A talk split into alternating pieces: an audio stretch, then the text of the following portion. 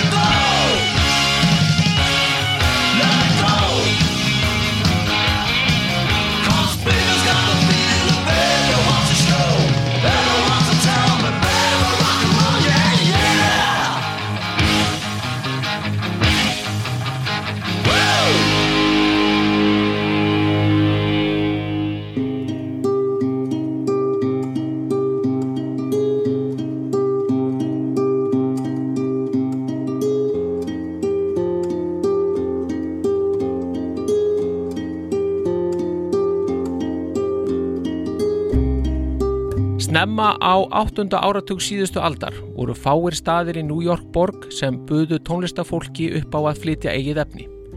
Þeir helstu sem buðu upp á slíkt voru Max's Kansas City og Mercier Art Center á Manhattan og svo klúpurinn Coventry sem staðsettur var í Queens hverfinu handan við East River ána. Max's Kansas City tengdist fylkingum Andy Warhol og glitter glam rocksennunni sem fylgdi The New York Dolls og Wayne County.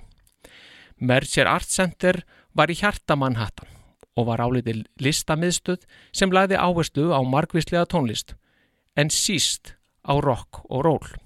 Þar á bæ var mottóið ef allt annað bregst þá rock og ról. En Coventry var af allt öðru sögðahúsi því þar var rock og ról í ávegum haft. Staðurinn var álitinn alvöru Nuts and Bolts Rock'n'Roll Joint. Coventry ríflega 460 fermetra húsnæði þar sem koma mátti fyrir alltaf 700 manns og í aðeins 30 mínúta fjarlæð frá skemmtana lífi Manhattan var því hinn sanna miðstöð rock og rolls. Coventry klúburinn var til húsa að 4703 Queens Boulevard í Sunnyside hluta Queens sem var fremur rörlegt yðnaðakverfi. Handan Boulevardsins gnæfði stoppistöð línu sjö í neðanjarðar lestakerfi New York borgar í tíu metra hæð yfir götunni. Háaðinn frá lestónum þegar þar fórum teinana var mikill. Jafnvel svo að undir tók í klúpnum Coventry. Í bókinni Black Diamond segir Dale Sherman að konaðnafni Betty Smith hafi átt staðinn Popcorn Pub í upphafi 8. áratúrins. En hún var á þeim tíma hvað þekktust fyrir að halda utanum málefni gítarleikarans Link Ray. Link Ray hafði slegið í gegn seint á sjötta áratugnum og hafði verið yðin við kólan og nöyð talsverða vinsælda á þessum tíma. Og þess má geta að vinur hlaðvarpsins Andor Figg nokkur leg með Link Ray á nýjönda áratugnum. En aftur að Betty Smith sem þarnum áramótin 1972-73 var önnum kafin við að færa rekstur Popcorn Pub yfir á næsta stig. Liður í því var að breyta áherslum varandi tónlistarflutning á staðnum. Hún vildi losa sig við þjóðlaga fólkið og færa staðinn nær nútímanum, bjóða upp á fjölbreyttari tónlistarflutning og samfara því breyta nafninu úr Popcorn Pub í Coventry. Ég var að spila með hljómsveitinni minni The Magic Tramps þegar við vorum beðnir um að koma inn og hrista upp í klúpi einum í Queens sem kallaður var Popcorn Pub. Það átt að breyta honum í klúp fyrir rock og roll, segir Paul Subb fyrir meigandi Coventry í viðtali við tímarétti Goldmine árið 2008. Hugmyndin var að The Magic Tramps og Link Ray myndu leiða saman hesta sína Fyrst myndi Erik Emerson, sem þá var þekktur tónlistamæður, leikari og dansari, koma fram með okkur, en svo færi hann af síðinu og þá kæmi Link inn. Hann átti að snúa magnarinn sínum við þar í áttina vegnum og byrja að spila Rumble.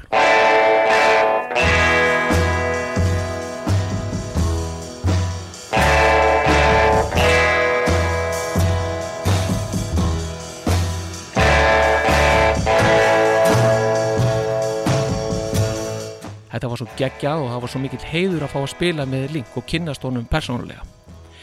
En þess má geta að lægið Rumble sló í gegn í bandaríkjónum og komst í 11. sætið á R&B vinsendalistanum árið 1958. Lægið er instrumental en þrátt fyrir það var það lengi bannað í útvarpi í bandaríkjónum. Þar sem heitið þess, Rumble, var slangururði yfir gengjastrið og tali hvetja til óláta úlinga og upphefja afbrót. Þetta er því eina instrumentalægið sem er verið bannað að spila í útvarpi í gerfallri útvarpsögu bandaríkjana.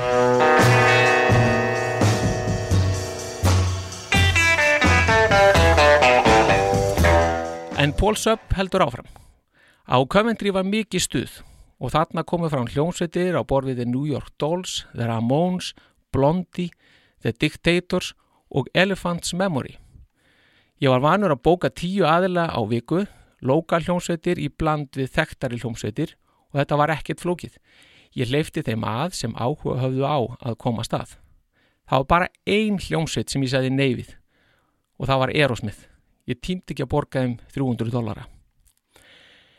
En það voru The New York Dolls sem heldu klúpnum lifandi. Þeir spiluðu einu sinni mánuðu og fylgtu alltaf húsið og hjálpuðu mér að greiða húsaleguna, saði Paul Subb þegar hann rifjar upp tíman á Coventry. Já, klúpurinn Coventry í Queens leikur stórt hlutverk í sögu okkamanna, hljómsveitirinnar Kiss. Því það var einmitt á þessum stað sem að hljómsveitin stegi sín fyrstu skref á ofinberum vettvangi og það gerðist einmitt fyrir nákvæmlega 50 árum. Því þriðju daginn 30. janúar 1973 stegu fjórir ungir menn, þeir Paul Stanley, Gene Simmons, Ace Frehley og Peter Criss fram á sjónarsvið í fyrsta skipti undir merkjum Kiss. Tónleikarnir voru þeir fyrstu í þryggja kvölda tónleikahaldi þeirra fjallega sem bóka hafði verið nokkru áður. Í bókinni Dress to Kill eftir Ken Sharp lýsir Gene bókun þessarar tónleikarraðar með eftirfarandi hætti. Ég var vanur að fara þarna framhjá á leiðminni til vinnu og ég ákvaði einn daginn að ringja ángað. Ég fekk samband við framkvæmtastjóran og saðunum að við varum hljómsett sem hétti Wicked Lester og hann ætti að bóka okkur því að við værum frábærir. Hann sagði bara já og samþykti að setja okkur á þrjú kvöld í miðri viku 30. januar, 31. janúar og 1. februar því staðurinn væri þá hvort sem er tómur. Það var nákvæmlega sömu vikuna og félagarnir í Kiss stigu á stokk að nafnabreitingin á klubnum Popcorn Pub átti sér formlega stað því að í 1. februar útgáfu tímaritsins The Village Voice stóð skýrum stöfum Popcorn Pub verður Coventry. Í þeirri tilkynningu voru tónleikar Kiss og sannarlega ekki í forgrunni, heldur auglisti staðurinn hljómsveitina Salty Dog samhliða nafnabreitingunni. En til að gæta allra sangirni fekk Kiss smá auglýsingu neðst í hægra horninu. Þar stóð mið og 5 31. jan 1. feb Kiss. Segja má að Kiss sem fullmannu hljómsveit hafi svo sannlega verið enn í burðalinnum þegar að fyrstu tónleikarnir voru haldnir þann 30. janúar. Því Ace Frehley hafi þá aðeins verið formlegu meðlimur í Kiss í 13 daga eða frá 17. janúar. En þann dag fór setni áhörnabröfa hans fram. Undibúningurinn var því innan við tvær vikur og hafði Ace í nógu að snúast. Við fluttum bara frumsamið efni frá Paul og Gene og því þurfti ég að soga þetta hrattinn, ég þurfti að geta í eðurnar og þykjast vita meira enn í raunverulega vissi og reyna að vona að enginn tæki eftir því. En það var meira sem hljómsveitar meðlifur þurfti að velta vöngum yfir, því ákveða þurfti hvernig ætti eiginlega að koma fram. Það var ljóst að hljómsveitin átt að stíga inn á svið leiklistar að einhverju leiti og að allir fjórir meðlumir hennar átt að vera aðal. Þetta áttu sem sé að vera líðræðisleg hljómsveit. Og svo var það nafnið. Það þurfti að finna út úr því. Pítur segir í æfisögu sinni Make Up to Break Up að hljómsveitin hafi verið full mönnu þegar að nafnið Kiss kom upp. Þeir félagar Ace og Pítur geta hins vegar ekki komið sér fyllilega saman um hvorum hafi dottið í hugnafnið Fuck svona í aðdraganda þess að Kiss kom upp í nafnaumræðinni. Ég þætti 49 í þessu ágæta hlaðvarpi setur sá sem hér talar fram þá tilgáttu að nafn Kiss hafi komið upp þann 29. janúar og ætlar hann að halda sig við þá tilgáttu. Það er svona í nokkuð góðu samræmi við Ord Jeans sem segir í bókinni Dress to Kill að fyrsta tónleikakvöldið hafi þeir breytt nafninu úr Wicked Lester í Kiss. Aðrar heimildir segja að Ace hafi á tónleikadegi dreigið upp penna og krassaði við nafnið Wicked Lester á kynningarplakati tónleikana og skrifa Kiss í staðin. Svona svolítið gróflega, með Kiss-sonum sem litu út eins og eldingar. Þarna höfðu því fyrstu drauga logói verið dregin á pappir, logói sem hannað var að Ace en samt eigilega hannað af Pól, líkt og kom fram í síðasta þætti þessa ágeta hlaðvarps. Í æfisögu sinni Face the Music lýsir Pól í stuttumáli þrýðudeginum 30. janúar fram að tónleikonum og hljóðalýsingin eitthvað á þessa leið. Um morgunin tók ég neðanjarðalestina út á Long Island City sem er yðnaðasvæðið í Queens við Ístrifir ána. Þar legði ég sendibíl hjá Public Service Rentals því þar var ódýrast.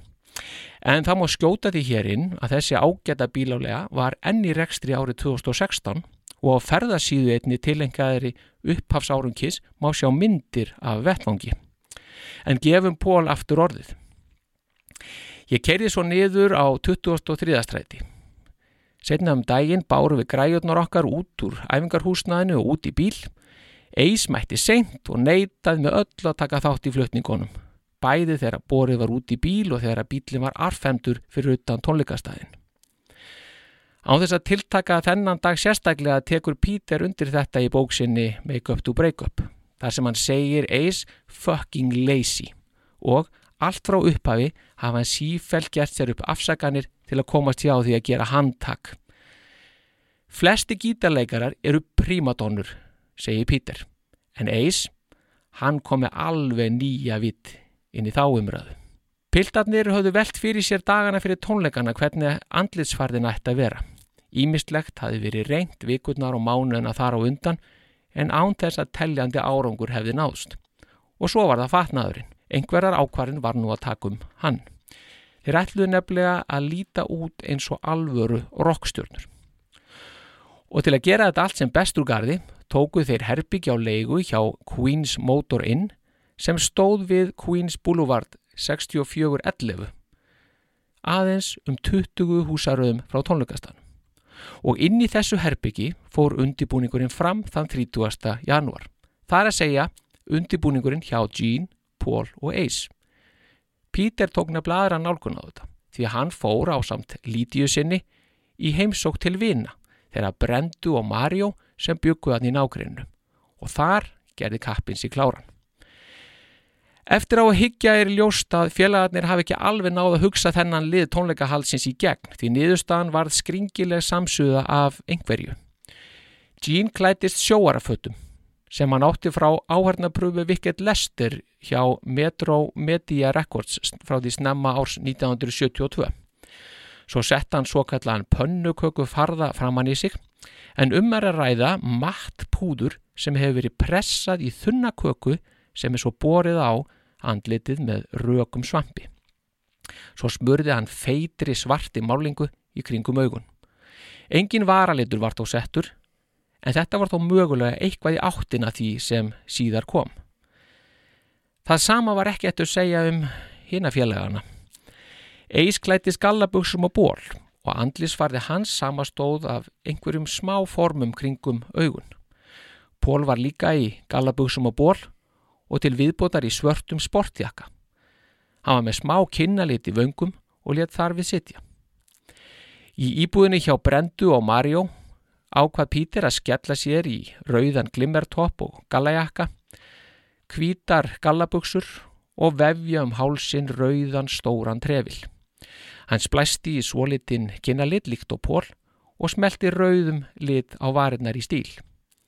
Að svo búnu fór hann niður á Queens Motor Inn til fundar við hinn að fjallagana þrjá. Svona byrtust meðlimir Kiss heiminum í fyrsta skipti á sviði. En það er óþarf að hafa miklar áhugjur af því, því aðsóknin á tónleikana var með einn dæmum dræm. Jafnvel svo að þeir félagar urðu hissa þegar þeir mættu í fullum herrklaðum á staðin. Þar var bara allt gal tómt menn gerðu nú ráð fyrir að aðsóknin myndi nú eitthvað glæðast þegar að líða tækja tónleikonum en svo reyndist ekki. Þetta kalda januarkvöld í miðri viku voru aðeins um tíu manns í salnum. Lídia, kona Peters, John Walls, þá var hendi kærasta Jean og ónemd vinkona hennar. Auk þess voru rótaratnir Eddie Solan, Joey Criscola, bróðir Peters og Bob McAdams sem var vinur eins. Þá var barþjóðnin Bobby Flame viðstatur á samt nokkur um samstarfsmönnum. Meðlum með Kiss letu dræma aðsókn samt ekki á sig fá. Þeir voru aðal og eina númer kvöldsins.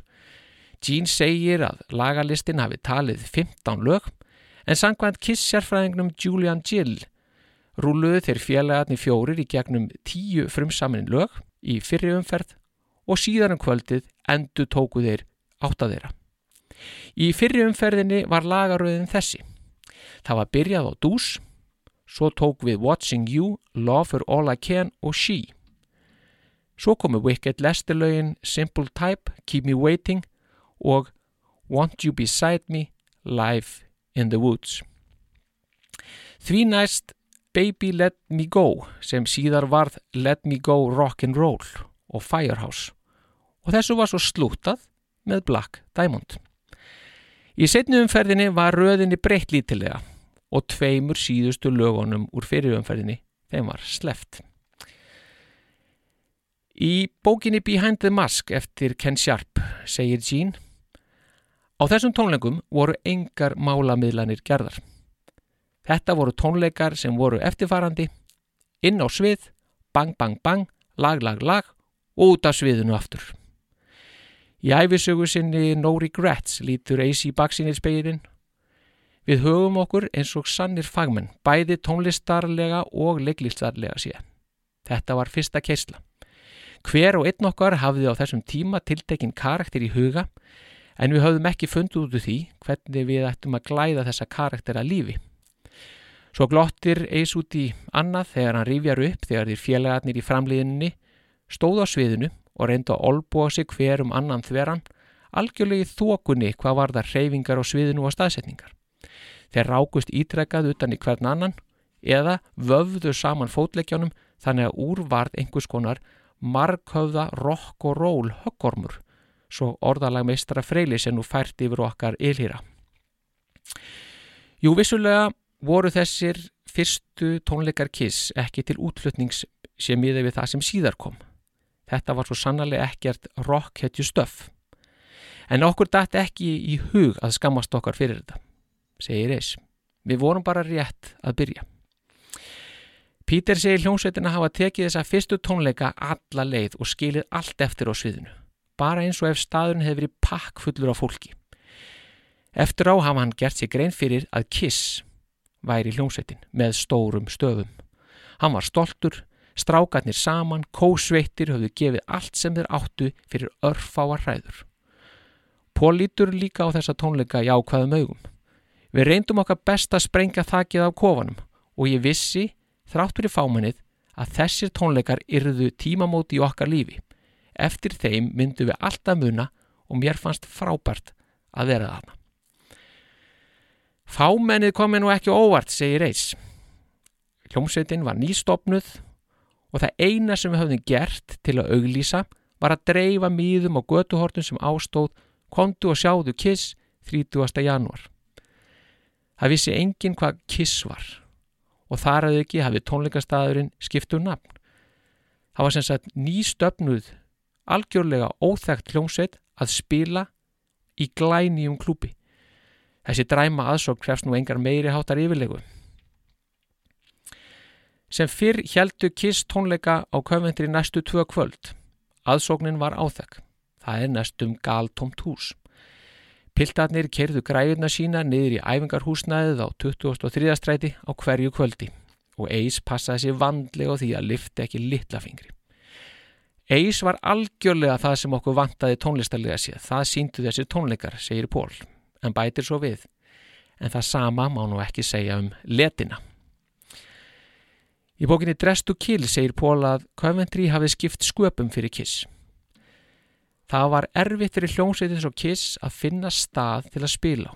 Við spilum ekki lög af top 40 og tilherðum ekki þeim hóp sem kom stað á Maxes Kansas City eða Mercer Arts Center. Coventry gaf fólki tækifæri til að sjá okkur og það gaf okkur sömulegis tækifæri til að skapa okkur sérstöðu. Á Coventry gáttu við virkilega brínt nývana og slýpa okkur til. Eftir þessa þrenna tónleika stóð Pól klára því að hann vildi að hljómsveitin, kjarni hennar og kraftur væri drifin áfram af tveimur hljómmiklum gíturum. Kortveggja var sannarlega fyrir hendi á þessum þremur uppástónleikum sveitarinnar, en það vantaði vikt í hljómsveitina. Það vantaði að menn stýju upp á næsta level. Það vantaði að menn væru tilbúinir að spila í úrvalstildinni, meðal þeirra bestu. Og til að gera það, segir Pól í æfisugu sinni, þartu að skapa réttu ímyndina og byrtast fólki sem einhver sem skiptir máli. Algjörlega óháð fjölda þeirra sem koma til að hlýða á og upplifa. Þú þart alltaf að skapa hugsun, andrúsloft og stemningu eins og þú standir á sviðinu í Madison Square Garden. Það er ekki með fullu ljóst hvað Kiss fekk mikið greitt fyrir þessa þrenna tónleika á Popcorn Pub og eða Coventry. Sumar heimildir segja 150 dólarar hafi verið greittir fyrir kvöldin þrjú. Aðrar heimildir segja 90 dólarar. Og að sögn Lítiu Kris fór allur peningurinn í að greiða rótorunum. Þessi tónleikaröð kom því út í tapi fyrir þá fjalla en eins og Lítia segir í bókinni Sealed with Kiss Þessir tónleikar voru bara upphafið á langri göngu upp á toppin. Eftir þessa sirpu lokuðu félagarnir í kissig inn í æfingarhúsnaðinu til að æfa, æfa og æfa, spá, spekúlara, semja lög og þróa konsept, auk þess að ganga í gegnum fyrsta dramakast trómanars Pítur Kris sem er reytist við þá félaga og veitingastæði í Chinatown strax eftir þrýðu tónleikana. Kiss kom næst fram á The Daisy í Amityville Long Island í New York þann 9. mars 1973. Um haustið snýru þeir nokkru sinnum aftur á Coventry og leku þar í síðasta skiptið 22. desember 1973. Jafnframt var þetta í síðasta skiptið sem Kiss leik á klúpi allt til ársins 1988. Tónleikastæðurinn Coventry kvarf af sjónarsviðinu um miðjan 8. áratugin og heimilisfangið 4703 Queens Boulevard er ekki lengur til. Í stað Coventry stendur nú á lóðinni verslunar og þjónustubygging þar sem finna má skóbúð, apotek, lækna, tannleikna og tannrettingaþjónustu og á fjörðuhæðinni er hægt að komast í sálfræðilegt mat. Þangað er auðvelt að komast Til líkt og fyrrgreinir stoppar neðanjarðarlest nr. 7 í neðanjarðarlestakerfi New York borgar hinum megin við götuna á 46th Street, Bliss Street lestastöðinni. I got a sneak preview announcement because I know they're going to be on in concert coming up January, February. In concert on TV.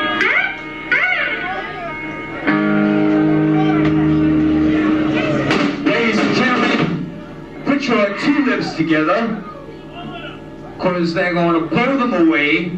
Kiss! Kiss!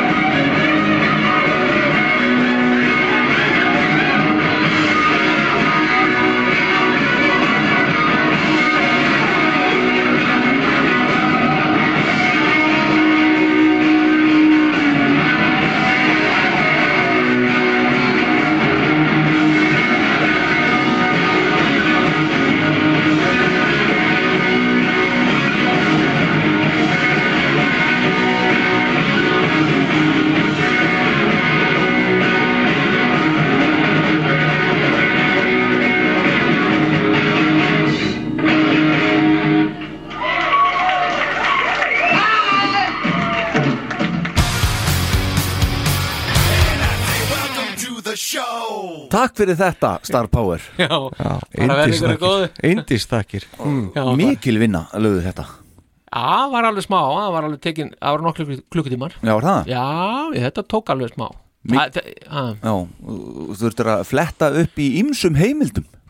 Já, ég ákvað að taka það þú veist, þetta getur maður bara að tekið einhver eina bók og bara þú veist, rigga þessu upp úr henni sko. Já, en ég vildi það ekki ég vildi svona uh, ég vildi taka þetta aðeins Mixa þetta þessu upp? Já og svona aðeins að reyna einhvern veginn að, að búa til einhverja sögu sem væri svona þú veist, frá mörgum sjónarhóttnum og hvernig menn voru að upplifa þetta og slíkt. Já, já. Og, og, og svo bara svona, já, einhvern veginn hvað, hvernig, hvað sagan segir bara. Já, og þetta var sem sagt í tilefni 50 ára afmælis okkar manna og, Já. og fyrstu tónleikana. Fyrstu tónleika fyrstu tónleikarnir sem Já. að eru ymmit eða voru öllu heldur Mhm. þann 30. janúar 1973 Já. þegar engin okkar var því og þarna var bara í nýhafið sko. Já, Já, já, setja þetta í samhengi já, setja þetta í samviki sko. Þannig að Þannig að þetta er svona aukaþáttur í tilefni þess Já, það, það, sko, það var alveg ómögulegt og við vorum alveg sammála um það allir þrýra, það væri ómögulegt að koma ekki með þátt Mhm. auka þátt Já. sem er samt 78. þátturinn Já, já, veist, á þessum ótrúlega merkilega degi Háls, hál, hálf öld sko. að menn hafa nú lift upp litla fingir verið minna sko. heldur betur maður. og, og eru enn að. Ekki eis samt. Nei, ekki eins hinn sílati hann myndi nú ekki hafa nefnt að splæsi þetta Nei, akkurat. Herðu, ok, við erum hérna í bóði Böttvarsveit Bútvar og teknísku þjóðurinnar eins og hún leggur sig Já. Aldrei gleyma því. Aldrei gleyma því. Einmitt, já, Og svo náttúrulega Reykjafells líka. Já, já. Akkurat Skipaldunni skipaldi, ásótti og, nei, hérna óseri, ekki Óseri, ásótti, já, óseri. já, já. og út um allt á bílunum. Heldur betur. Það er með ekki gleyma því sko. Nei. nei, nei. Herðu, já, já, þá skulum við bara kynna okkur. Ég er Alli Hergjersson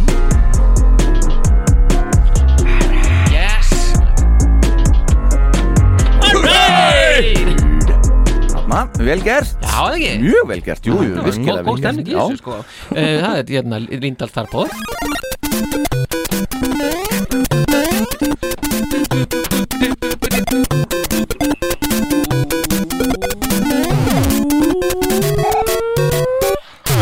Þarna, vel gert. Og síðast en alls ekki síst. Heiðar Aðaljón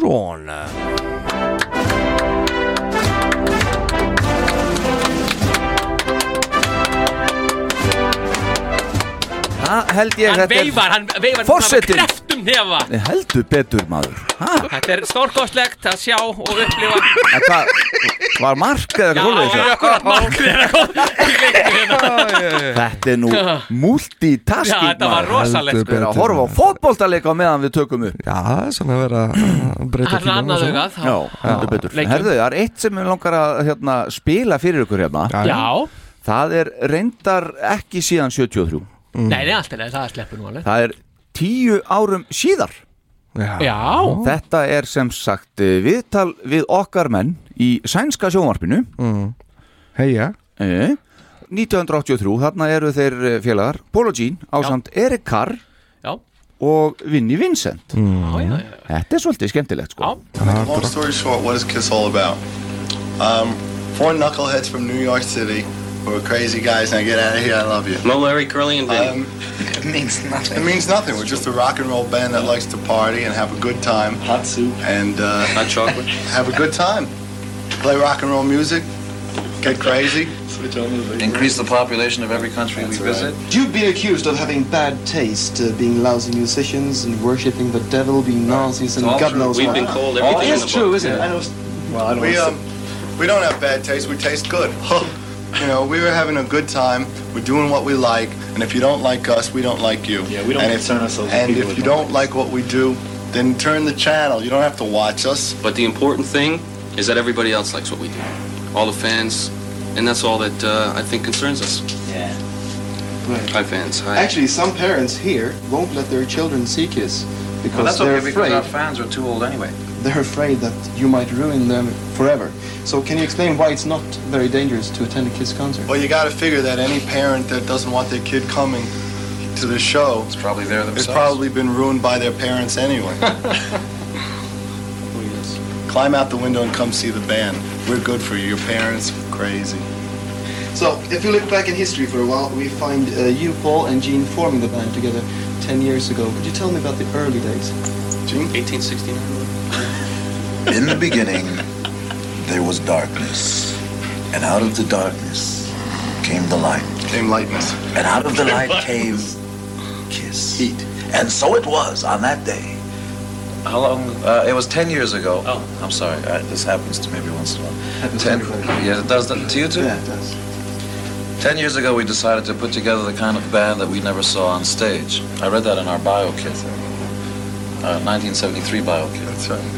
And uh, since then, we've been doing everything short of giving birth on stage to make sure that people get their money's worth. And when Gene and I leave, it'll probably turn into the band that we never saw. Never saw on stage. I've always played guitar, played in a lot of heavy metal bands, and um, been doing it until I met these three knuckleheads, and I became the fourth knucklehead. Right. I haven't asked anything about why you removed your makeup. Everybody knows that by now. Good. But now that you are unmasked, Yes? Do you have a newborn feeling in the band? Yes, we feel newborn. And we're, feel newborn, and we, we sleep like babies. We wake up every hour crying. We, we feel real good, obviously. I mean, we're going out there every night to uh, crush skulls and have a good time. And everybody comes for a big party, and afterwards we go back and have soup. and after the show, we do the encores back in the hotel. That's right. Yeah. That's right. With, Very with important. maidens in distress. Blondes or Pretty maids, mostly pretty maids. Pretty maids, iron maids, all sorts of Mm, pretty Minute maids, maids. please come and see me. I'll be in the room for hours. Já, hérna, hérna Það er svona pínu reppað liðum hana Já, Já, þetta, þetta er svona, já, þetta, þetta er ekki, ég myndi ekki segja að þetta væri svona alveg bestu viðtölin sem hafa verið tekin við Kiss á, hérna, eru einmitt frá þessum tíma sko. Nei. Það er, en þetta var svona skemmtilegt sko Já, þetta er skemmt, þetta er svona nettur útisnúningur í öllu og svona Heldur betur Svo er hérna eitt líka, stráka mínir mm. 28. januar 1982 Já, Já, hvað gerist þá? Herðu, það er það er hérna tónleikarnir Mm. góðu í Bismarck Nei, Nei, það? það er í desember sko. það er, er, það er desember Já, Þetta er sem sagt, uh, þá eru þeir segja Já, frá það þessu er hérna Kiss Online Já, já, uh, 28. janúar 1982 We were at Studio 54 in New York City to receive the Golden Cat Award Já, for Most Important International Artist of the Year. Það er ekkert annað. Og þetta var í sjónvarpinu á Ítalíu, stráka mínir. Yes, og hérna Já, er já, smá klippa úr því, Sann- Remo Já, akkurat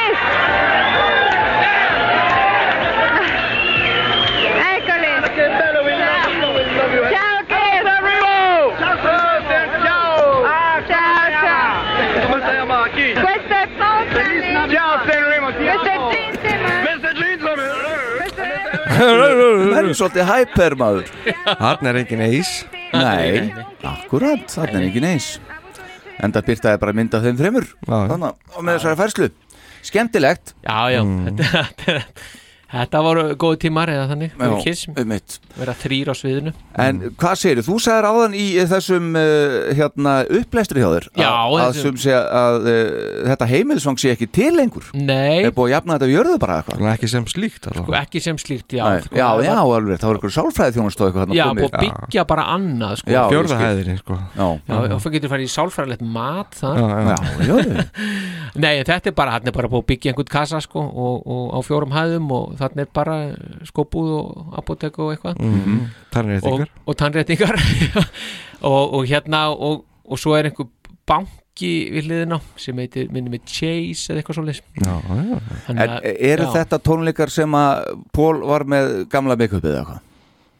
Nei, Pól var bara með kynnalit Það var bara þessi kynnulitur Það sem var að bara kynnalit og svo Já. var hann bara í Og ból er það þessi myndaðum hann þegar að eisið með síkarettuna hann, Já, er, já. er það er lúki sem er í gangi þarna? Já, Já. Þetta er eiginlega svona Hvað heitir þetta hann? New York Dolls look Já, akkurat. Pínu Já, drag, sko. svona? Já, já, akkurat. Já, svona, já, en, en, en Gene sem sagt, hann splæsti í eitthvað Mm. um, svona sem að einmitt, svona líktist eitthvað, Mhm. veist, því sem að síðar kom Mhm. en hinnir voru svona dálítið bara ekki komni með neitt sko og, og, og, og það var greinlega ekki búið að marka neina sérstakar línu í þessu Mm. hvernig, hvernig ætti að koma fram Nei. enda náttúrulega menninni, ég meina þetta er bara rétt eins og- kom fram líka, þetta er bara nokkri dagar frá því að eist datt hann inn Mhm. og það hefði svolítið verið í nógu að bara snúast við að koma saman bara prógraminu sko, Já, já, bara já, reyna að læra þetta allt saman Já. þú sést nú kannski ekki endilega spáði hvort þú sért í svörtum eða bláum gallabuxum sko. Nei. Nei. En, En það voru til ykkur upptökur af þessu? Það, já, það var nefnilega, það var svo dásandi að gæsa á núna þegar þú sagði þetta vegna þess að í sumar ég er alveg handviss um það að það hafi einmitt verið eitt af því sem hann kom með hann hérna vinnur okkar sem ég man ekki hvað heitir byrti á YouTube. Hinn hin duldi maður. Já, hinn duldi maður. Mhm. að það voru þessir uppást tónleik og ég hugsa hann við þvílíkt konfekt sko. Mm. en svo bara náði maður bara rétt að hlusta á þetta einu sinni eh, og bara Svo hvar var það bara? svo bara hvarfita og ykkur tildýpi og hefur ekki sést síðan sko. Já, en þarna sko 30. janúar, 31. janúar og 1. februari svo komst inn á Já. Svo fa- eh, eru þessu tónleikar þarna Já. Coventry og svo fara þær bara í, í rúman mánuð í, í, í hérna æfingarhúsnaði og, og gera sér klára Já, svo er bara fimm vikur í, í fríi Já.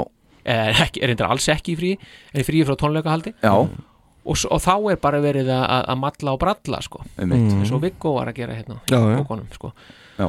og, og, og, og þá hugsa ég að ég meina þá, eða sko, ég meina ég hugsa ekki það, það, það bara þá var svona, þá byrjaði þetta að kokkast upp sko, Já. Þú veist, Mm, þetta ætti að vera svart og, og, og, og, og, og hvít Mhm. og, og ætti að vera leður og það ætti að vera þetta og ætti að vera hitt sko. Mhm. þannig að hérna þetta er bara allt að gerast þarna þessa fyrstu tvo mánuði, þrjá mánuði Mhm. veist, í 1973 Já, það var tvenni tónleikar hérna í mars og, og svo bara aftur mánuður í burtu og, og koma þá í Já, apríl og, já. og þá fer þetta nú svolítið að, að rúlla allt saman og, og á YouTube er nú svo til eh, ansi mikið efni eh, frá uh, The Daisy Mm. Í ágúst Já, 1973 já, það- já, og, og, þannig að það er þá fer svona kannski eitthvað að dúka upp og, en, en hérna það elsta er Já, þetta eru fyrstu myndið þar sem eru komna fram sko. Já, maður sjá. Já, það, það er til upptakar ekki frá A- Amityville hérna þarna um sumarið. Jú, það er til hérna. Það, það er bara hljóð eða ekki? Jú, reyndar. Uh, Þetta er sem sagt, þú myndist á þetta lag í upplæstunum á hann Won't You Beside Me, uh, Live in the Woods. Já uh, Þetta er live á The Daisy 1973 í ágúst Já, já uh, Vikið Lester lagið Já Heyrum þetta eins Life in the woods. Everybody know what to do? Come on, mothers, let's go.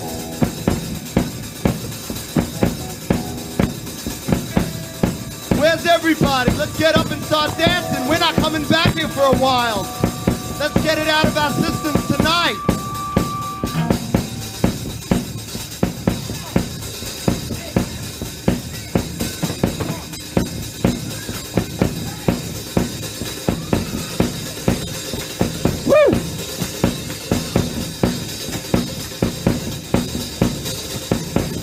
In the woods would be easy. Make a house of flowers and trees. Keeping in Drifting along with the breeze, yeah.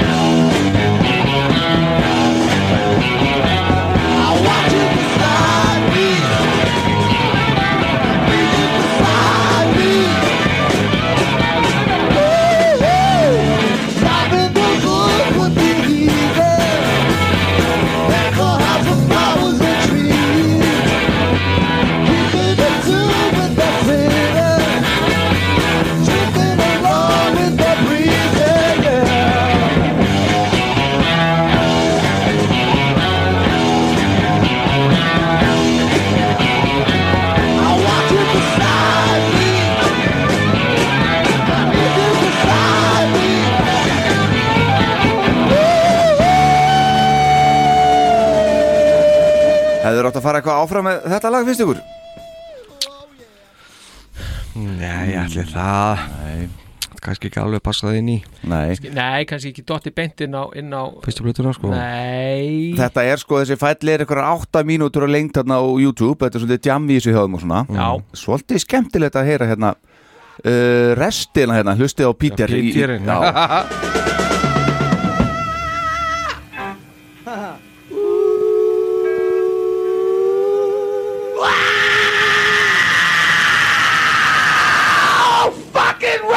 roll! Sjöfessi Píterinn maður Hann Með kallinn ungur í stuði, maður. Já, þetta er maður ha.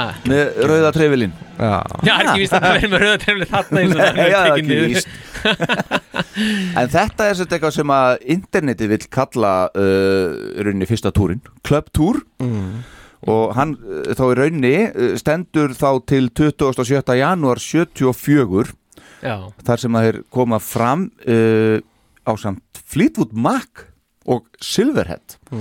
Og það rétt á undan voru að spila með Blue Oyster Cult og Iggy Pop. Þannig að þeir eru svona farin að hitta upp hana í restin á þessu og farin að vekja svolítið já. og næsti túr er svo bara hérna til þess að supporta fyrstu blötuna já, já, já, já. En þeir voru alveg að fá smá, smá aðtegli hérna 73 sko Já, já. Byrja náttúrulega alveg agalega súrt sko En, en á sama ska- skapi sko, er við hverjum áttum að búast mm Mhm. fara til Queens, gjössanlega óþektur staðurinn er skipt um nafn veist, það er ekkit hérna þú dreifir einhverjum nokkrum flæjurum sko, það er, Mhm. en, en, en, en já þetta, þetta var svolítið brött byrjun Já.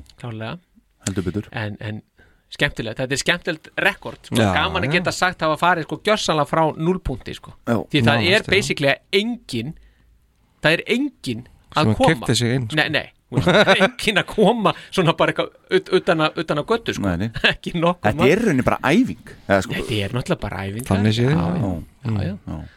En hver, þeir sem hafa verið einhver tíman í hljómsveit þeir hafa allir lendi í þessu öll lendi í þessu Já. Já, örugglega, sko. Þessu Já. svekkjandi maður og gýra sig upp í tónleika og mæta og það er engin í húsinu maður, svo leiðinlegt Það er rosalega leiðilegt. Það er alveg geggjalega Já, einmitt. Og hvað þá sko þrjúkvöld í röð Þetta er svona alveg bara, oh. Já, en fulla að ferða áfram Já, já Já, sjá engin bara- afsláttur gefinn, sko. Nei, nú bara sjá hverju þetta búið að skila maður Já, en var eitthvað svona sko, var eitthvað sem var svona kom eitthvað nýtt þarna, veist, var eitthvað svona, já, ég hef ekki pælt í þessu hjá ykkur, í Mm. þessu í þessum ágæta upplæstri Mm, Ekki sem að ég man sko. Mér finnst þetta bara skemmtileg samantækt og bara gaman að eiga þetta bara til á ein, einu stað. Já, já, já, Já, akkurat.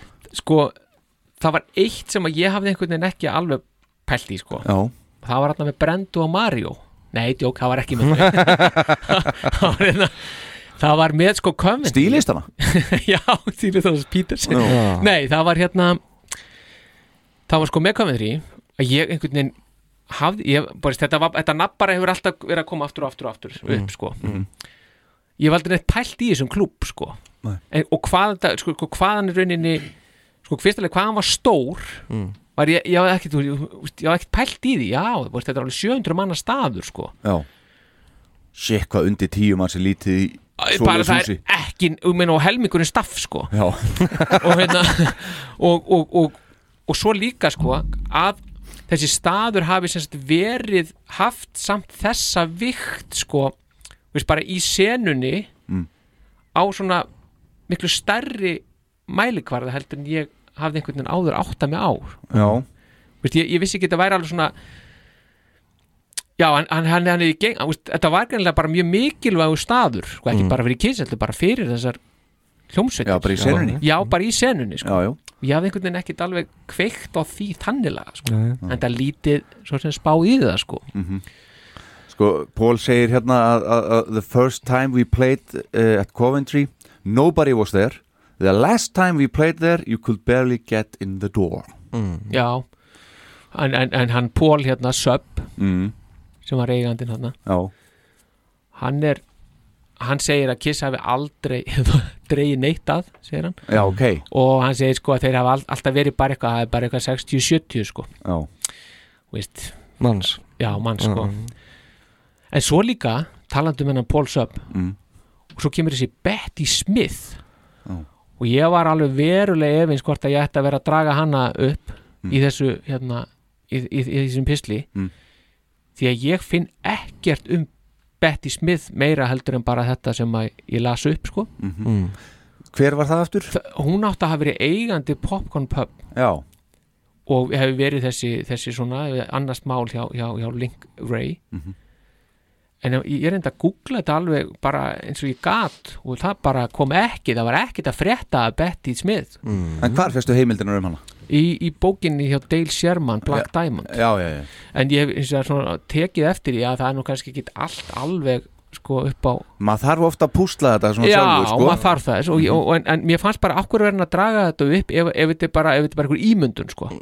þannig að ég let hann að flakka með en, það, en sko, en hún er svo eigandi svo er Paul Subs aður eigandi veist, keifti Þau- hann þetta kannski hjón eða eitthvað svoleiðis, eða? ég veit það ekki en, nei, nei, svo einhvern veginn las ég þetta hann hefði sko, hún hefði verið þarna og beðið hann um að koma inn í þetta eitthvað til að hjálpa sér að breyta þessu Mm. Það var einhvern veginn mín niðursta Mhm. þegar, þegar að hérna Magic já. og svo hafa hann bara tekið við þessu einhvern veginn Mhm. Vist, ég einhvern veginn get mér en það væri rosa gaman að hérna, já, að geta púsla þetta Er Paul Sub ennþá á lífi? góð spurning Við varum að setja okkur í sambandi hann og fá þetta bara Sub bara Já, fá, Það- fá hann í vital og bara hvernig var þetta, Mr. Sub? já, það getur nú verið á Getum sett eh, bara afstæða svona andaglas og eitthvað Já, ef hann er farinn? Já, já, já. Fengið eitthvað út af því, sko ekkert nema lausnina hér sko. það er ljóst það er gott Aldeilis fínt. líka Herðu- gaman að þetta skildi koma frá fósettan Heldur betur Jæja, stráka mér, er eitthvað meira um þetta að segja það? Þetta? Já. Nei, þetta er, það er sko, mér finnst ekkit meira um þetta að segja í sjálfu sér Nei. Veist, þetta er bara merkur svona, þetta er svona Urðum að gera eitthvað. Já, og þetta er svona merkur bara svona mælstótt, Já, þetta já. er náttúrulega bara fyrsta skrefið. Þetta er hortsteinn Þetta er, já, þetta er unni hornsteinn. Akkurat. Uh, Talandi um hornsteina. Já. Við erum að fara að leggja svo leiðis núna, það ekki? Jú, jú Ætlum við ekki að uh, kynna hérna nýtt konsept Jú, við, við eigum á, á, á 50. afmælis ári okkar manna Já, sko, við eigum greinilega Mhm. það sem ég hef upplifað frá því 8. oktober síðastliðin Mhm. þá eigum við dálítið erfitt með að sleppa Takinu, takinu já. og finnst þetta skemmtilegt Já, og, allt of skemmtilegt sko Já, og það virðist líka vera að öðrum þykir það skemmtilegt að við séum að gera það sem okkur þykir skemmtilegt Mhm. sem gerir þetta ennþá skemmtilega sem gerir þetta ennþá skemmtilegra Mhm. eh, þannig að Já. Take it away uh, Á ég? Já, ekki Á þessu 50. ári starfsári okkar manna uh, ætlum við uh, að fagna því á þann veg að frá og með næsta þætti þetta verður nú ekkit vikulegt samt eins og var, þetta er bara svona uh, þegar við höfum tíma eins og verið hefur uh, en frá og með næsta þætti þá ætlum við að taka fyrir hvert einasta ár af þessum 50 og það þýðir hátt í 50 þættir. Og það sérst eitt ár í hverjum þætti. Og það sem við krifjum árið og hérna skoðum nákvæmlega hvað gerðist finnum fleiri hortsteina í sögu okkar manna og skoðum það sem að þeir spiluðu, tónleika sem þeir spiluðu og það sem þeir tóku upp og annað mm. mannabreitingar og allt þetta en þegar ég segi hátt í 50 þættir þá uh, þetta verður aldrei 50 held ég vegna þess að einhver ári hérna er nú eitthvað lítið að frétta Já. splæsum sennilega saman hérna eitthvað í, hérna, einhverjum árum Já Er þetta ekki eitthvað? Jú, eh, jú, jú mér finnst þetta mjög góð hugmynd til þér sko Reyndar frá þér komin þessi hugmynd Já, já, já og, og beint út í fenið Já, já. þetta. Mhm. En hérna Já, en það er náttúrulega sko ef þetta er hátt í 50 þættir uh, og við erum með ammælis árið undir og hvað er aftur marga vikur í ári? 52 já Þannig að, en það verður held ég samt ekki Já, þetta verður samt ekki vikulega sko. Nei, nei. Nei. Það er ekki, þetta verður þá bara að tegja sig eitthvað Já, lengra, já, sko, já. Þannig ein, eins og okkar menn Já, eins og okkar við, það er engin það er engin endapunktur Málið, sko, málið er það að við höfum verið að fá eða ég, og þið að ég held líka verið að fá svolítið hérna fyrir spurnir eða beðnir frá hlustendum um að taka plöturnar fyrir aftur Mhm. mér finnst það svolítið vel í lagt að fara að gera það en þarna svona snertu við það kannski aðeins Mhm. án þess að taka hverja plötu fyrir sig þá tökum við þær svona umræðu um þær já, já. Já, já, það er náttúrulega fléttast inn í en þá Já. nú ekki önnur umfjöllum beinir þessu plötun heldur er þetta meira þá bara svona þetta er, að því við erum búin að náttúrulega tala um, veist, við erum að taka svona ef ég með má sletta, svona bits and pieces sko, úr kissugunni en svo eru náttúrulega plöturnar í, í, í þáttunum og, en svo hafa náttúrulega þættin, eða plöturnar verið tekna bara í óreglulegri röð eða semst ekki, já Mhm. þannig að sko að það þarf kannski að púsla mm Mhm. það er svolítið spennandi sko, að geta púsla saman kissugunni Mm. Veist, þannig að þú fáir svona rökrétt rökrétta framvindu mm Mhm. þannig að við erum ekki að taka sko veist, árið 86 næst Mhm. eða, eða, já, og, og svo veist, 58 sko eða, þetta er ekki gott að taka 58 Nei, en, frétta Já, Já, já. við tökum þetta í röð já, já, það er það er En það er reyndar, sko, þegar ég fer að hugsa við erum svo rosalega vel undirbúni greinlega Mm. uh, þegar ég fer að hugsa þetta betur þá vorum við samt eiginlega búin að ákveða næsta þátt, sko Já, já Verðum við ekki að taka það? Jó, jó Það er einn plata sem við eigum eftir nefnilega já, jú, Já. já, við þurfum að gera það Já, sem áður gerum það og svo massa, byrjum við þetta Mm. já, já, þannig að það er alveg smá við þurfum alveg smá svona að taka til upp sko. Já, einmitt, nákvæmlega, það er undirbúið að vel Já, við þurfum aðeins að, já, svo þetta verði ekki bara eitthvað, eitthvað steipa á einhver tóm leiðindi og allir hætti hann að hlusta og við hann hættum hann að mæta sko. Akkurat Fórseti, hvernig leggst þetta í því? Vel bara það ekki? Já, sjálfsögðu Já, Leggst ógeðslega vel í fórseti Já. Ég sé það. Já, Það er bara gaman að fara, fara í gegnum tímilínuna eins og hún Já. er sko. Já.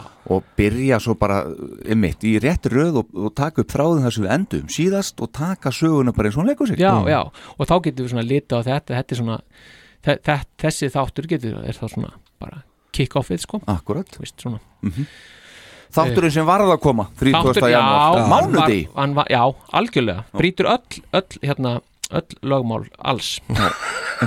En hérna já, ég, ég er að velta fyrir mér aðeins samt um, sko, ég, það, það er nefnilega þessi nú er að koma hérna off the soundboard, er ekki það sem það heitir? Jú, einmitt.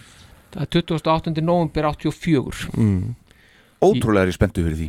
Já, Pug, Poughkeepsie er ekki eitthvað svoleiðis sem þetta heitir? Poughkeepsie Yes. í, í, í New York tónleikar Já, með Mark St. John Já, þetta er sem sagt fyrra sjóið sem að hann spila Já, fyrra heila sjóðu já. fyrra heila, já, sem að hann spila frá upphæði til enda Mhm. og það hefur ekki verið til upptaka af þessu Nei, þetta er eina sem er til að soundboard upptöku frá honum Já, já, en það er eitthvað sko ég, hérna, Þetta er rarity alveg sko. Algjört, sko. Já. já það, það, það, það, veist, það en, en ég fann eitthvað stöff hérna frá Baltimore mm. Já, það eru Baltimore Civic Center það var 27. november og þá spilaði uh, Bruce Kulik fyrstu fimm lögin Já. svo kom, kom Mark St. John inn og spilaði næstu fimm lög Já. og svo tók Bruce við aftur og svo komuður allir saman í Rock'n'Roll Night í Hvað endanum ætli vinur okkar Paul og Jean hafi verið að hugsa þarna sko bara, veist hvert eru við komnir með þetta projekt hérna? Já, ég, þa þa það er það sem ma maður hugsar. Já. og þegar ég, ég ætlaði nefnilega hérna sko ég Ertu með hljóta með það, Já, já býtu, ég ætla ekki, ekki hækka samt upp mér að því Nei. ég þarf að stilla þetta hérna. Já, er en ég, sko, veist, og, og þeir með þessa fullkomnar áráttu fyrir þessu öllu saman og með eitthvað tvo hauga þarna sem koma og skipta þessu milli sín eitthvað. Þetta Já, er náttúrulega nýbúin að vera með vinni þarna og eitthvað. Allt í rugli, sko Já, þetta, er- þetta er nefnilega, þetta er allt þetta er allt í steipu Já. og ég ætlaði bara, ég er að finna hérna já, þetta, Hvena kemur þetta, þessi út, sambúrt? maður ekki, mars Ég hugsi ég kaupi mér þetta Já Ég hef ekki meina, keipt Ég mér er náttúrulega bara elska þannig túr náttúrulega Já, einmitt.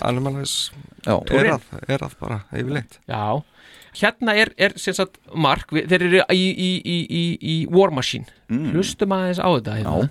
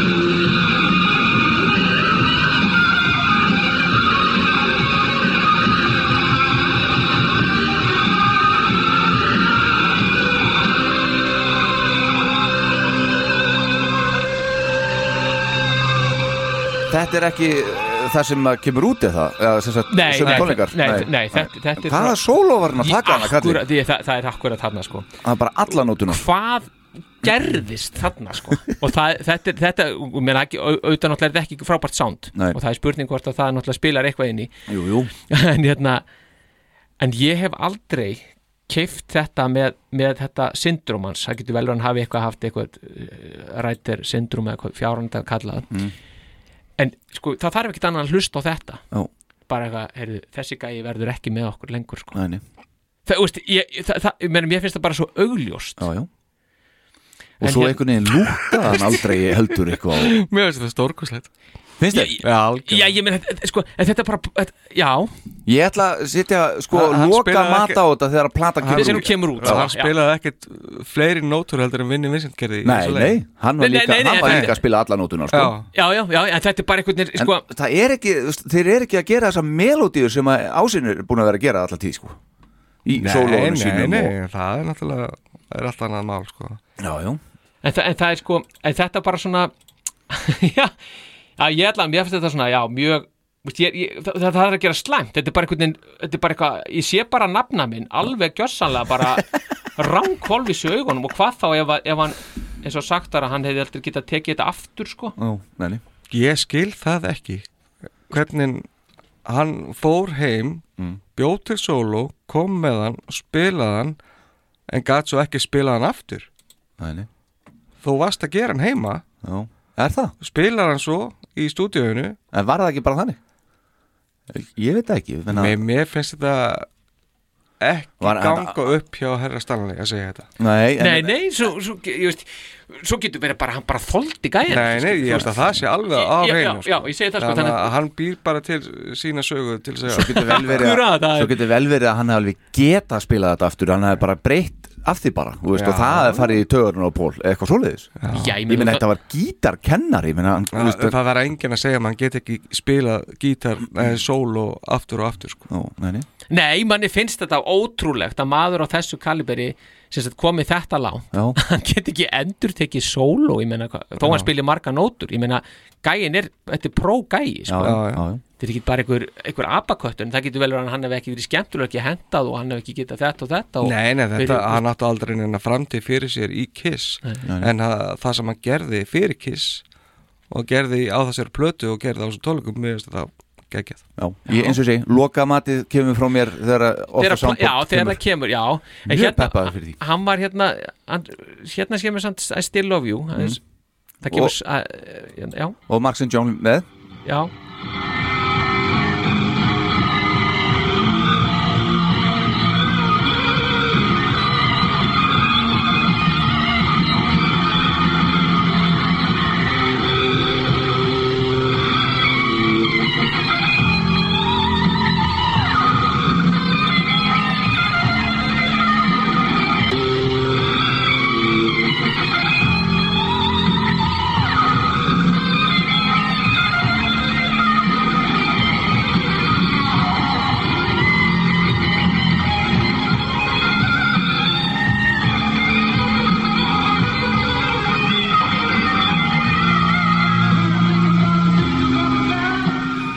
Já, fórseti, hvað segir um þetta?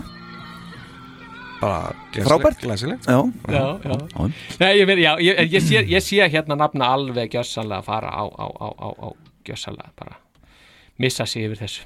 Mhm. en, en ég úst, en, þetta þarf ekki að vera slemt fyrir það Nei, að nafni sé að missa. Nei, en það sem er bara hérna, bara til að taka að því maður er með þess að Baltimore tónleika hérna já, þá er hins vegar eitthvað sem maður hefði nú kannski farið að setja aðeins spurningamerki við sko. Hmm. Býttu nú við. Ætlar nú þú sennilega frá ofbjóða fórsetunum núna? Já, nú, núna kemur eitt sko. Sleggja. Þetta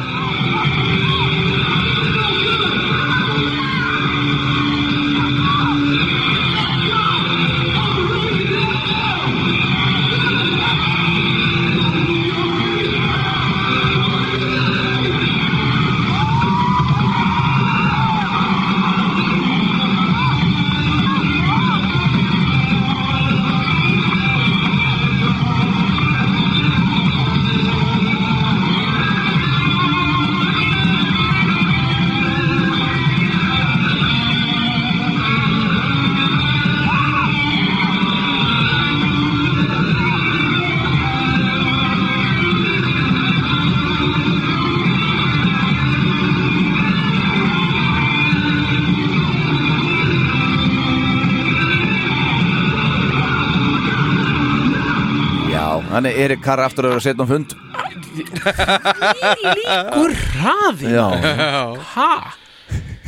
Ég, ég held ég hef nú bara aldrei heitt Detroit flutt ég að pratt og þarna sko. Nei, Þetta er svona með þér hraðast Þetta, já, og bara, og bara bassatrómar Já, já, allt á full Það er bara allt kjörsamlá Því ég fíla alveg sko eins og Animal Life, hérna frá Kobo Já, já. Vist, mér stali, mér, ég fíla það, veist, þetta tempo sko. Já, já. Þetta, þetta er orðið eitthvað alveg bara geggjað sko. Hvort að teipið bara sé að rúla á Hvort hratt? finnst þér það betra? Það er náttúrulega væri best að hafa þetta á venjulegu tempói. En er það betra að fara svona hratt eða svona hægt eins og með Pétri?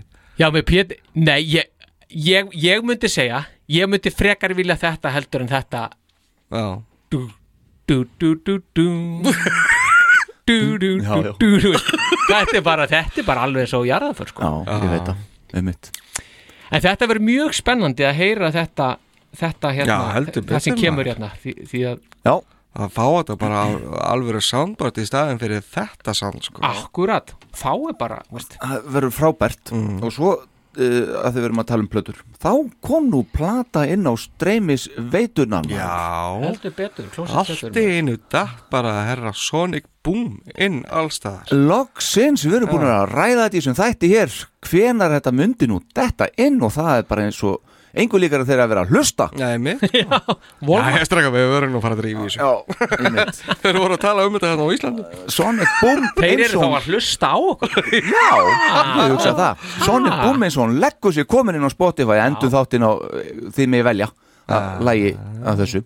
Já, Þannig að, stráka mínir Næsti þáttur ákveðin Það er málefni sem að, mm. ein plata sem að gekk af. Við ætlum að fara yfir hana í næsta þætti. Já, já, já. Svo byrjum við að telja. Árin 50 já, já. Og hérna, það bara verður mjög spennandi. Mm. Það er Það verður bara spennandi sko. nýtt svona lúk á við- akkurat. fyrir vikið. Já, já, Og hérna, ég ætla bara að hvetja uh, hlustendur Þá sem eftir standa Mm. Að vera duglegir að hérna að, uh, Á síðun okkar. Já, kommenta Kommenta og, og, og setja nefni já og vera bara svona, já, vera skam, hressir skam, sko. okkur, skam okkur og, og hérna og ekki skam okkur. Já, já, það bara bæði sko. Rósa, Ljóð Já, og löstur Já, akkurat. lof og löst lof og löstur Já, það er nú bara heint á nýjum lið næstu því. Já, akkurat. En er þessum ör þætti ekki bara lokið það? Jú, ég held að við séum ekkert að tegja þetta með nei, nei, Þetta er er stórkostlegt, stórkostlegt. Já, þetta var svona að fá þennan pistil í eh, loftið. Nöðsynlegt Já, það var nöðsynlegt Já. Já, og við þökkum fyrir þitt framlag bara, Já, far bara- einn ein chance á því sko. Já það er nefnilega bara eitt séns. Það, Akkurat. Ég hefði ekki fyrirgefið mér að sko og ekki okkur sko Nei, ef við hefðum Það var reyndar aðeins meir en eitt sens af Því ég þar, held ég þurfa að klippa þetta aðeins. Já, ég menna sko Já, ég veit Það það. er þrítugasti Mísmeltir þið svolítið? En það mun enginn heyra það Nei, nei. Nei, það var mjög lítið samt. Já, ég veit að mjög lítið, þú ert vanur. Það var aðalega hann í byrjun Já, sko já. Koma sér á stað. En hérna, já eh, Ég myndi segja af þessari Já, loka lag Þá, já, að því að ykkur finnst það geggja og ég er svo góður. Já, og mér finnst það svona kannski mest við hæfi. Já. Tökum lag nummer 7 Lag númer 7 Mér líst vel á það. Ekki? Jú, heldur betur, það á, á bara vel við. Það var nefnilega vel við. Já. Já. Og ég tek eftir því hérna á Spotify að þessi plata hún er strax komin upp í gríðarlega hlustun. Já, mill, bara milla svona. Já, Já, Russian Roulette bara komin í búin að kljúa miljónuna sko. Modern Day Delilah var náttúrulega á Spotify áður að það er nú ábyrjandi efst. Já, en þetta er svolítið áhugavert samt sko. Russian Roulette skuli komið svona með svona háahulustun mm Svo kemur seg ég það er, það er hins vegar í tæplega 800.000 Já.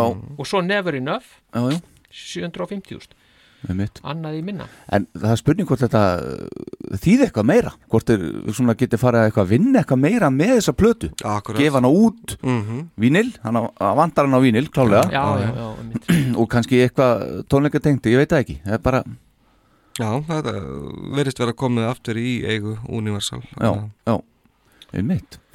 Endum þetta á lag nummer 7 Takk kærlega fyrir þátt nummer 78 Já, 78 Já, maður. maður. 78 78, ströttir 78 Já. munið Já, já, mm. sóloplötunar 78 Sólablöðuna 78 Við tengjum þetta árin Phantom of the Park og svona Phantom of the Park, það var alltaf, já, pælið í því Já. alltaf gera, þarna var kiss á já. Algjörlega. 78, þetta er vel við hæfi sko. Heldur betur Stærsta band Ameríku Stæðsta band Ameríku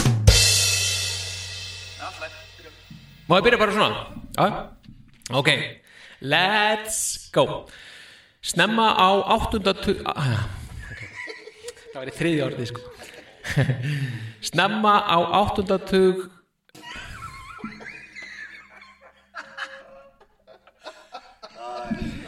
okay. Snemma á áttunda áratug Hættið Snemma á áttunda áratug síðustu aldar voru fái staðir í New York borg sem buðu tónlistafólki upp á að flytja eigið efni. Þeirra helstu þeir helstu sem buðu upp á slíkt voru Kansas Jésús, almáttur Ég held það. Ég ætla bara að byrja á þessu aftur. Snemma á áttunda áratug síðustu aldar Bingo. All for the glory. All for the glory. Takk í Billy Takk